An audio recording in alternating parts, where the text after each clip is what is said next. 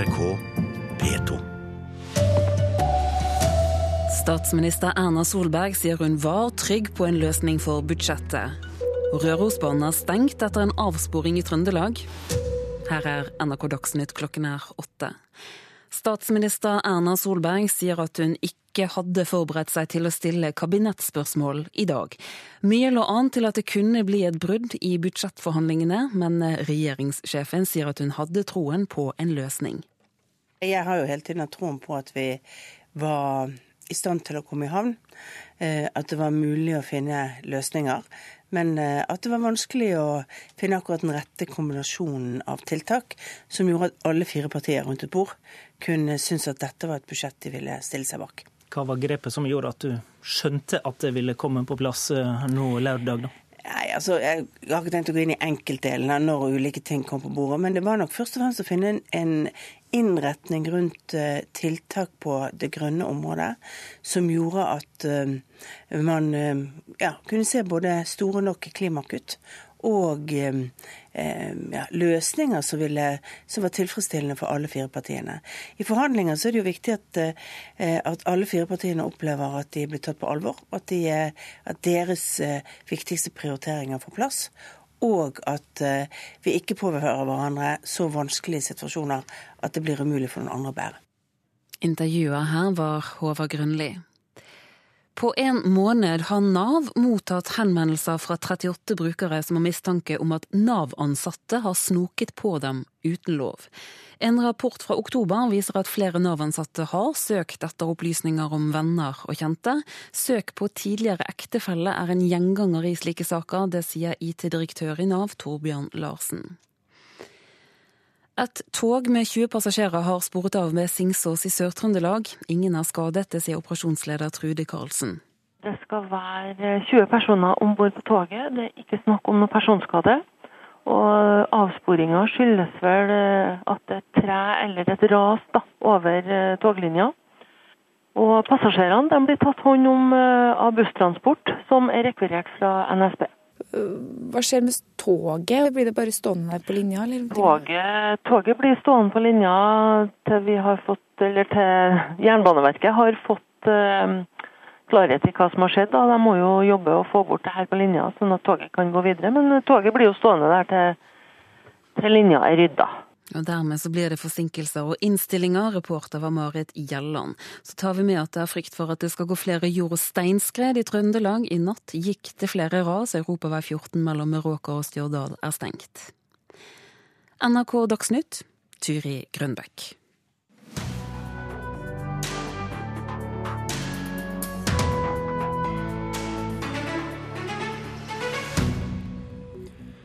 Seriefenomenet Skam fører Norden tettere sammen, mener Foreningen Norden, og belønner serien med språkpris. Denne høstens eh, TV-vinner tar oss med over 100 år tilbake i tid. Vi skal prøve å finne ut av hvorfor Farmen gjør så stor suksess. Og 150 år gammelt tukthusopphold i Trondheim blir kammerspill til det samiske 100-årsjubileet i februar. Det er noen av sakene i dagens eh, Kulturnytt. Vi begynner med Skam. Den populære ungdomsserien får nemlig Nordens språkpris 2016 for sin evne til å engasjere et ungt nordisk publikum og bygge opp positive holdninger til nabospråkene i Norden, som det heter. Faen! Du hadde bursdag. Det er et velkjent lydbilde for mange etter hvert, og det skaper forventninger. En ny Skam-episode er i gang. Jeg eh, har fortalt Sonja om det. Og det at de her forventningene skapes også utenfor Norges grenser, i andre nordiske land, er litt av årsaka til at den populære serien belønnes med Nordens språkpris 2016. De har skapt en interesse for det norske språk i eh, målgrupper i de andre land som normalt ikke har noen interesse, eller kanskje tvert imot syns at norsk er litt teit. Forteller jurymedlem Leif Holst Jensen, som er nestleder i Foreningen Norden. Det som også har vært litt unikt, er at Uh, ungdommene de har ikke hatt tid til å vente på at uh, Skam blir sendt i Danmark eller i Sverige. De har oppsøkt uh, spilleren til NRK og sett sett eh, Skam på norsk på norske plattformer. Og det er noe av det vi som jobber i Foreningen Norden ønsker oss. Det er jo at folk oppsøker eh, nordisk språk og kultur på tvers av landegrensene. De deler hvert år ut Nordens språkpris til noen som på en innovativ og god måte bidrar til å styrke den nordiske språkforståelsen. Og språket, det har spredd seg gjennom Skam. Lykke til med kjæresten min. William, jeg har bruk for noe space. Kødder du med meg? Dette er litt av det unge Skam-fans på Bauenhaug efterskole i København hadde plukka opp av Nora, Isak og de andre rollefigurene i serien da NRK var på besøk tidligere i høst. William, du er en fuckboy! Jonas, røyker du marihuana? Jeg vil si at den danske Skam-fansen er enda mer intens og enda, enda, det er enda gærnere enn i Norge. Og det er fra Danmark redaksjonssjef Håkon Mosleth i NRK P3 merker størst interesse. Trafikken herfra utgjør mellom 10 til 20% på nettsidene til Skam. Men nå på Island og i Sverige og Finland ser ungdom på serien, og kanskje derfor er redaksjonssjefen relativt skamløs når det er snakk om språkprisen. Den er vil jeg si, meget fortjent. Sjelden fortjent. Jeg tror Skam bygger bru mellom de skandinaviske språkene, og det gjør at skandinavisk og nordisk ungdom eh, får lyst til å forstå norsk, og at de ser likhetene mellom de nordiske språkene. Det er jo én språkfamilie, tross alt. Det er sjuende gang Foreningen Norden deler ut språkpris. På lista over tidligere vinnere finnes Jakob Oftebro, Vigdis Finnbogadottir og Timbuktu. I år var det egentlig ikke noen tvil. Når, det, når vi først begynte å diskutere og se på den effekten eh, som Skam har, og nettopp den interessen Skam har vekket, uavhengig av at noen på en måte har misjonert for det. Altså det så har eh, Skam skapt en språkforståelse hos yngre målgrupper som er helt avgjørende for felles nordisk fellesskap i fremtiden. Regissør og manusforfatter Julie Andem og resten av gjengen bak Skam får tildelt prisen i Oslo i ettermiddag. Reporter her, det var Eline Buvarp Årdal.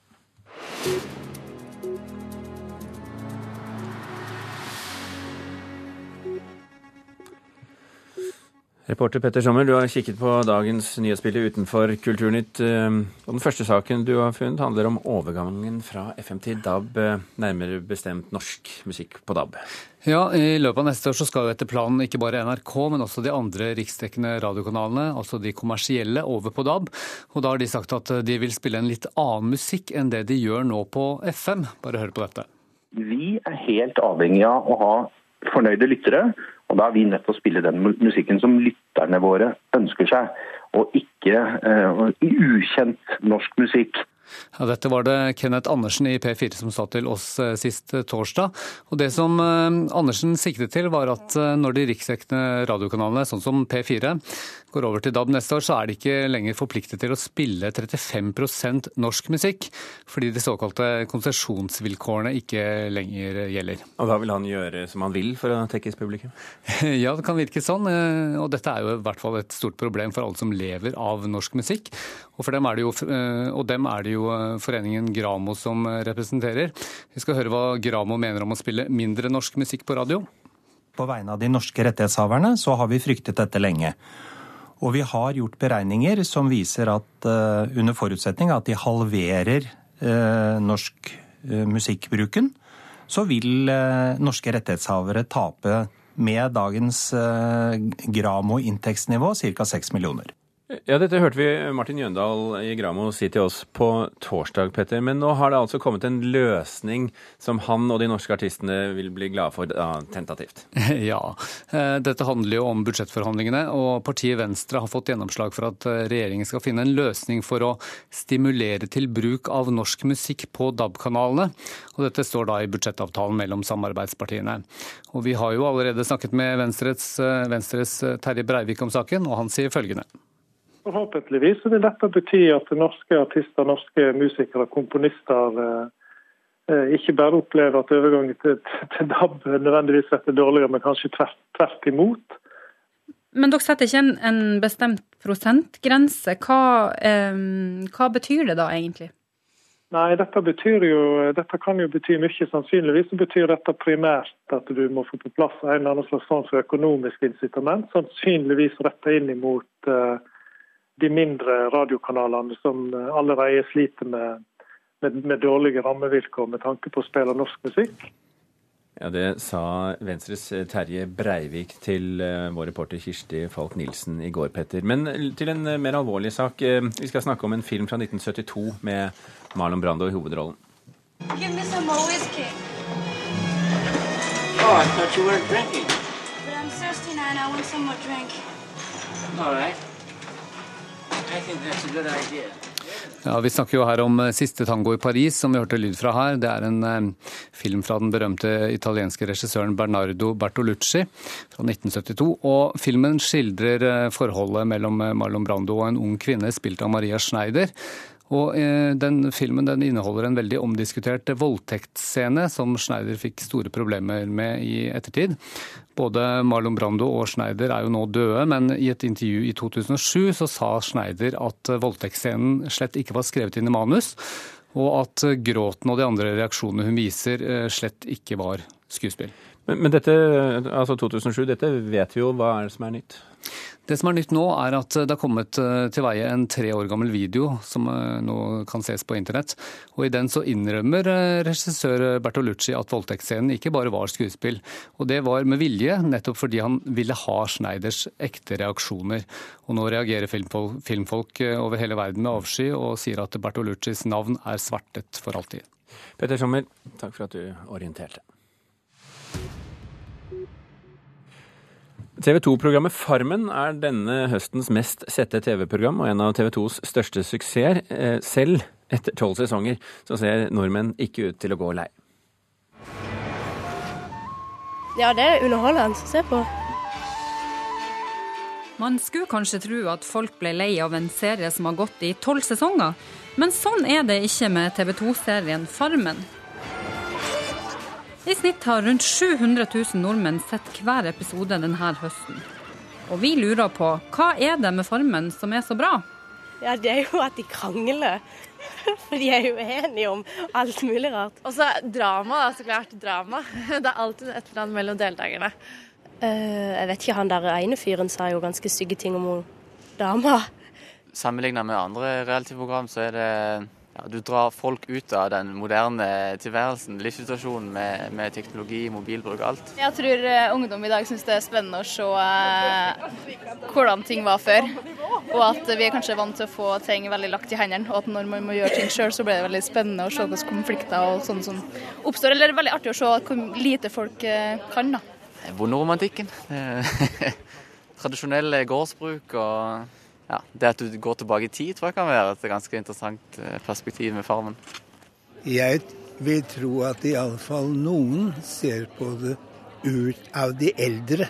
Det er noe med erindringer som er en drivkraft til å følge med her. Skjønner du hvilken oppskrift de har, da? At de har liksom en uh, muslim og en uh, som er synsk og en som altså Du ser jo liksom veldig sånn her Du får mange forskjellige typer mennesker til å møtes i ett og samme konsept, og så er det noen som krasjer, og så blir det gøy. Han er veldig god på casting. Ja. ja. Men det syns jeg er tydeligere i år enn noen gang før. Ja, for Det er ganske likt som i fjor, ja. egentlig. Det ja. typene som er med. Mm. Det var Kirsti Falk Nilsen som også hadde satt sammen denne lille kollasjen. Stine Hartmann, deltaker i Farmen, velkommen. Tusen takk for det. Under denne lille snutten så observerte jeg deg litt, og du ble flau, og du lo, og du ble ettertenksom. Ja, altså jeg tenker jo tilbake på alle disse gode minnene, og litt spesielle minner. Og rørt. Og rørt, selvfølgelig. Ja. Og rørt. Hva, hvorfor, hvorfor kom altså fire forskjellige reaksjoner på kun kort tid? Det er vel det som også skjer der inne. Det er fire forskjellige reaksjoner på en lang tid. Jeg har sagt det til mange, å være med på Farmen er som en lang psykologtime. Man går gjennom et vidt spekter av, av følelser. Sinne, frustrasjon, glede. Lærer oss utrolig mye. Så det har virkelig vært en stor opplevelse å være med på. Katrine Egens Nilsen, øverste ansvarlig for Farmen hos produksjonsselskapet Strix. Velkommen til deg også. Takk skal du ha. Castingen er spesielt god, ble den nevnt her, og da smilte du. Nei, det er vi Da smilte for øvrig også Stine Hartmann, men Nei, Det er vi selvfølgelig veldig fornøyd med. Vi syns jo castingen er bra hvert år. Men at seerne liker det de ser i år, er vi kjempeglade for. Vi legger mye jobb ned i castingen. Ja, hvor viktig er castingen? For en, eh, Altså utvelgelsen av deltakere, eh, bare for de som ikke vet hva casting betyr. Nei, altså Castingen er alfa og omega for et program som Farmen. Det er, eh, det er kjempeviktig, og vi bruker lang tid på det. Det er mange mange, mange søk, tusen søkere som søker. og eh, vi bruker lang tid på å finne de 14 som til slutt eh, er med på skjermen. Men Hva søker dere etter, da? Vi søker på en måte etter et, eh, kan du si, eh, et, et, et Norge i miniatyr. Altså folk med et eh, bredt eh, altså Som representerer på en måte det brede spekteret av, av folk i Norge. Med ulike interesser, eh, ulik bakgrunn, ulik alder, ulikt verdisyn. Um, for å få mangfold, da. Så vestkantjenta? Ja, altså Helt klart en av de, men altså også 30-åring. Altså jenter i 30-åra. Det, det er ikke alltid nødvendigvis eh, superenkelt å finne. Og Stine kom, kom inn og gjorde sterkt inntrykk. Hva var det som gjorde at du gjorde et sterkt inntrykk, tror du, Stine? Si det. Da vil jeg at jeg tør å være ganske ærlig hele veien. Eh, sier det jeg mener, eh, gjerne foran kamera, ikke bare når kameraet er slått av. Eh, og tar visse ja, avgjørelser der inne som kanskje ikke alltid er like populært. Men hva var grunnen til at du ville være med? Altså, Altså, bare for å si det, ja. Du er jo journalist, du er Ja. vel kjent med media, du visste godt hva Farmen var, eller kanskje i hvert fall. Um, så allikevel så tenker du ja, dette er lurt.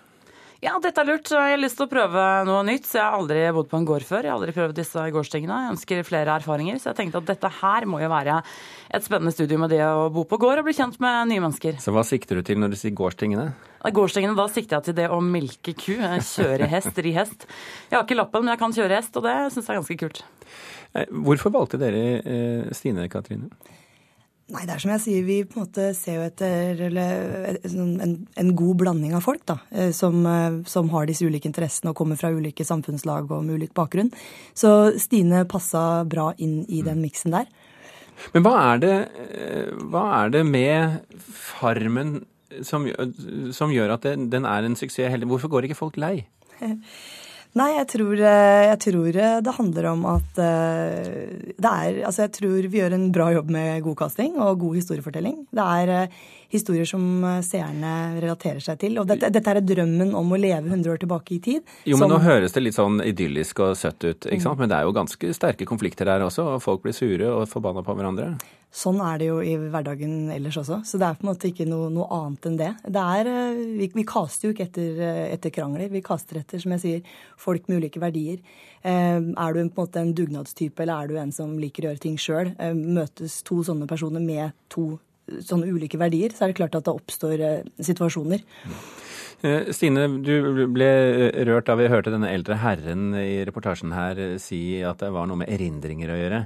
Eh, Hvor viktig tror du det nostalgiske aspektet er? Jeg tror det er ganske viktig for å sette seg inn i hele 1916-bobla. Vi har jo ingen relasjon til 2016 der inne. Så man, man kommer jo virkelig inn i en, en fantastisk eh, boble som jeg ikke ville vært foruten. Jeg, jeg Hvordan har det vært for deg? Eh, Nei, det har vært eh, utrolig. Jeg, jeg er jo veldig avhengig av denne mobilen min. Jobber mye med sosiale medier, så det å levere den eh, ja, til folk som, eh, som jeg ikke visste hvem var, og plutselig hoppe inn i en ny verden og bli vekket av en ku som rauter istedenfor en vekkerklokke, det er ganske spesielt. Vi, vi vet ikke om det er du som vinner eller ikke, men hvordan var det å komme ut? Det var helt utrolig. Eh, Det var veldig rart også. Eh, Det å smake en tyggis eh, for første gang på mange, mange uker var en eh, smakseksplosjon. Så nei, det var veldig spesielt. Ja, Det kan nærmest anbefales å være med. Yes. Stine og Katrine, tusen hjertelig takk for at dere var med i Kulturnytt. Klokken har passert eh, 18 minutter over eh, åtte. Dere hører på Kulturnytt, og dette er toppsakene i Nyhetsmorgen nå. Italias statsminister går av etter at velgerne sa nei til reformer som skulle sikre mer politisk stabilitet. Fem personer ble i natt sperret inne mellom to jordskred på E14 ved Meråker i Nord-Trøndelag. Det er fortsatt fare for nye jordras i Trøndelag. Og mange har kontaktet Nav den siste tiden fordi de tror Nav-ansatte har snoket i de personlige opplysningene deres. Noen av dem får mistanken bekreftet. Kautokeino-opprøret i 1852 er en av de mørkeste kapitlene i samisk historie. Du så kanskje filmen fra 2008. Fire ble drept, bygg brant ned, folk ble pisket. De opprørerne som ikke ble drept, ble fanget. Resultatet var to halshugginger. Den tredje, Elen Aslaksdatter Skum, hun slapp øksa, men fikk straffen omgjort til livsvarig straffarbeid. Nå blir historien hennes til kammerspill i Trondheim med musikk og det hele.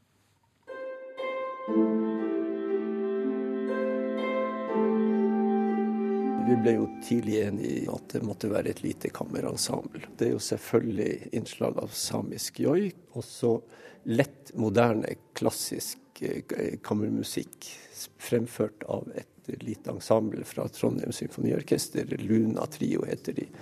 Harpe, fløyte og bratsj. Jeg møter komponist Terje Bjørklund i det som var kirkerommet ved det gamle tukthuset i Trondheim. Det er jo et helt fantastisk rom med et galleri som går rundt det hele. Musikken er langt fra klar, men han er i gang, og resultatet skal bli et kammerspill bygd på historia til Elen Aslakdatter Skum og hennes dramatiske år som fange her. Da jeg ble kjent med historien om Elen Aslakdatter Skum, så traff den en dyp streng i meg. Før hun er 18 år, så har hun begravd fire spedbarn. Randi Wenche Haugen er formidlingssjef ved NTNU Vitenskapsmuseet i Trondheim, og det er hun som hadde ideen til dette musikkstykket. I Kautokeino så er det lensmann, presten og handelsmann som bestemmer alt over urfolket. Elen Skum hun var en av lederne i det som ble da Kautokeino-opprøret. Dette ble jo et, et drama med drap og tragedie og blodsutytelser. De protesterte mot undertrykking av samene, og høsten 1852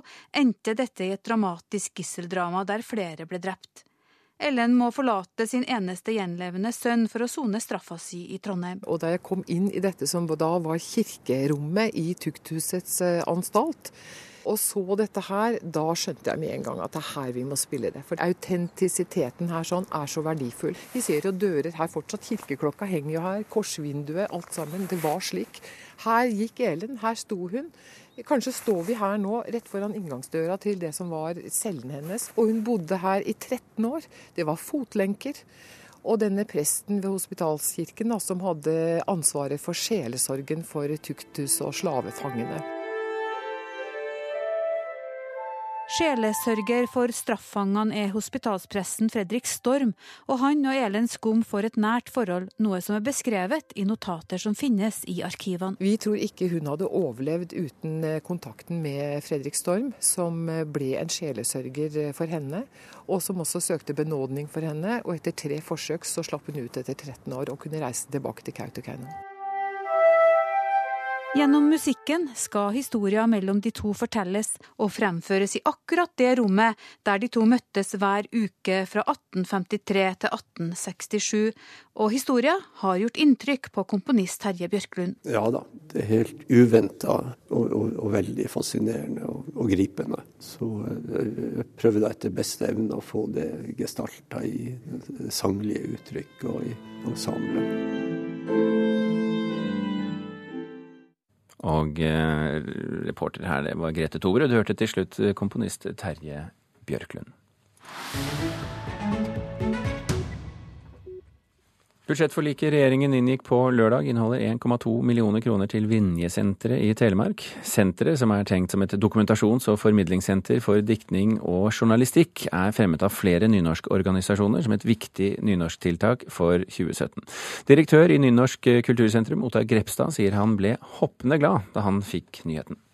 Jeg var jo mildt sagt spent på utfallet, fordi det var dette forliket som faktisk så ut til å være berginga for å kunne få ei første løyving til Vinjesenteret i 2017. Men det betyr i alle fall at uh, vi kan holde den framdrifta som var tenkt, og vi kan, vil jeg tro, tilsette den første medarbeideren i 2017. Grepstad sier de fremdeles er avhengig av støtte fra Vinje kommune og Telemark fylkeskommune. Vinje kommune behandler saken i kommunestyret 15.12. I dag arrangeres utstilling og auksjon til inntekt for organisasjonen Dråpen i havet. Det auksjoneres vekk bilder av 36 fotografer og kunstnere. Og fotograf Knut Bry, velkommen til Kulturnytt. Tusen takk. Du har altså i samarbeid med organisasjonen Dråpen i havet skaffet fotografier og auksjonsobjekter til veie. Hvor mange og hvor eh, eksklusive er disse? Det er jo et godt knippe av våre beste fotografer. Og det er jo fantastisk at de har stilt opp og donert et verk hver. Det vil si én har donert to. Så vi håper jo at folk kommer og kjøper. Men hvor lett har det vært å eh, overbevise dine kolleger om å, å gi bort det som jo tross alt er livsgrunnlaget deres? Det er det faktisk Nadine ved siden av meg her som har klart å gjennomføre. Hun er veldig flink. Så da hopper vi over til Nadine Aabø, Aabø Mellem og stiller samme spørsmålet. Hvor lett har det vært å få tak i bilder? Det har vært veldig lett. Det var overraskende, veldig overraskende for meg, hvor enkelt det skulle være å ringe rundt og høre om noen bare kunne donere noe som har tatt lang tid, noe som det er, ligger mye stolthet i. Så det var egentlig bare Jeg fikk en liste av Knut, og så ringte jeg rundt. Og omtrent alle sa ja. ja. Så vi, vi, snakket om det når vi begynte, eh, og Knut sa at du må være veldig fornøyd om du får 10-15. Og ja. nå sitter vi her med 36. Med 36 ja. Og det, ja, det, er utrolig fint. Det er mye giverglede. Knut Bry, eh, Dråpen i havet det er jo altså en ganske liten organisasjon sammenlignet med eh, de store. Hvordan kom du over den organisasjonen? Det er jo gjennom Nadine og hennes eh, samboer, som jeg kjenner lang tid tilbake. Og hun spurte meg, var det i september? Ja. ja om jeg kunne tenke meg å være med på dette. her, Og jeg syns det virket som et veldig bra tiltak, så da sa jeg ja. Mm. Men du har jo også erfaring eh, fra disse flyktningområdene, bl.a. i Hellas og på ja. øya Lesbos. Jeg var på Lesbos en måned som frivillig nå i eh, oktober. Og så drar jeg tilbake en måned til nå, fra 15.12. Og når du sier frivillig, hva er det du gjør da? Fotograferer du? jeg fotograferer hele tiden, men jeg jobber Jeg kan skrelle poteter, jeg kan lempe klær, sortere, porsjonere ut mat til familiene. Egentlig alt mulig. Alt de setter meg til. Men du har jo vært der også på eh, hadde nær sagt eget oppdrag ja. for, for, en eh, kokebok? Jeg var der i mai og august og gjorde en bok for eh, Universitetet i Agder. De har et fantastisk kurssenter der nede som heter Metohi. Så det var sånn jeg kom i kontakt med Pikparleiren, som jeg da har jobbet i. Ja, Og, og eh, når du var da nede på Lesbos for å gjøre denne eh, kokeboken. Det er jo et, et, et, et, mer av et hyggelig oppdrag, vil jeg ja, anta. Eh, hvordan var det å møte flyktningene, som jo det er ganske mange av på denne øya? Eh, de er jo på i et område rundt Mytilini, hovedstaden der. Så ellers på øya så treffer du ingen. Men det er jo fantastisk å møte de. Det er jo utrolige mennesker. Ja, hvor, hvordan fantastisk, da?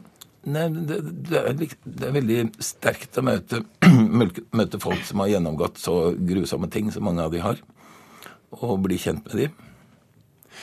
Er dette noe, denne aksjonen altså, eh, til inntekt for organisasjonen Dråpen er det noe eh, som reflekteres, eh, Nadine, i de bildene som, som skal aksjoneres bort? Det har ikke vært et tema for oss, egentlig. Vi ønsker at dette skal være en variert utstilling. Der det skal være mulig for kunstneren selv, fotografen selv, og komme med det bidraget de ønsker. Men eh, vi har fått mange bidrag relatert til vann, eh, og det er veldig fint. Det er et tema som, som kanskje mange forbinder med eh, flyktningstrømmen til Europa. Eh, og det er også noe både jeg og Knut har eh, opplevd veldig nært ved å være på øyene og jobbe der og se hvordan menneskene kommer i båtene. Og det er også det inntrykket jeg tror folk flest i Europa har av denne krisen. De ser bildene i nyhetene, og det er mye vann og mye båter. Men, når du snakker om mye vann og mye båter, altså mange rømmer jo fra veldig vannfattige områder også. Mm. I, i, I, hvilken grad eh, er, er da vannet eh, hva skal vi si dominer, i, I hvilken grad dominerer vannet deres liv? Det er jo hele tiden det faremomentet med å komme over fra Tyrkia. Og vi vet jo hvor mange som har druknet i løpet av den, hele den perioden. Hvor mye var det? 3400 eller nei, 700 eller noe sånt? Ja. 4000. Ja, nesten 4000. Så det, ja. Det er, jeg, jeg kjenner flyktninger der nede som har som På hans båt så var det nesten 40 som druknet på den ene båten når de kom over midt på natten i, i mars. Mm.